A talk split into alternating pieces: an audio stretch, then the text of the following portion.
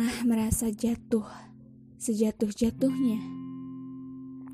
Seakan lo berada di posisi paling bawah dan paling menyedihkan. Pernah merasakan dihianati oleh dunia, oleh kenyataan yang mendustakan harapan. Jika memang pernah, ada hal yang harus dan wajib lo perbaiki. Bareng gue Ipo, kita bahas apa yang perlu diperbaiki. Tentunya cuma di e-podcast. Merasa tidak berguna, merasa dikecewakan oleh keadaan, merasa dihianati oleh harapan merasa ditikam oleh keegoan, merasa, merasa, dan merasa, hingga bertanya, "Apa sih yang salah?"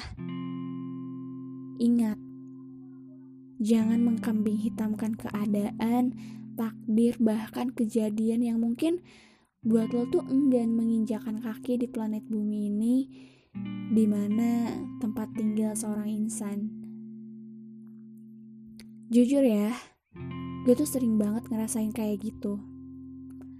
Seakan dunia gak pernah berpihak sama kita. Seakan keadaan membunuh kepercayaan secara perlahan. Seakan perasaan menghilangkan kekuatan. Bahkan, sampai kesannya lo membandingkan hingga kata gitu dan gini muncul seolah merefleksikan perbandingan yang sebenarnya itu salah satu kesalahan. Kayak, kok dia bisa gitu, sedangkan gue gini. Kalimatnya seperti itu. Jika suatu kesalahan, maka harus ada perbaikan. Lantas, apa yang harus diperbaiki? Yang diperbaiki adalah pola pikir dan pola zikir. Perbaiki pola pikir. Analoginya, bulan dan matahari aja punya porsi masing-masing buat menunjukkan keindahannya.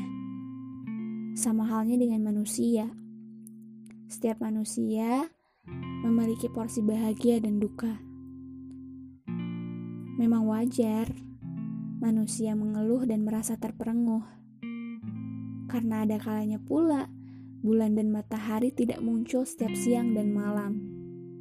Mungkin karena terhalang oleh hujan, tapi percaya, setelah hujan akan muncul pelangi.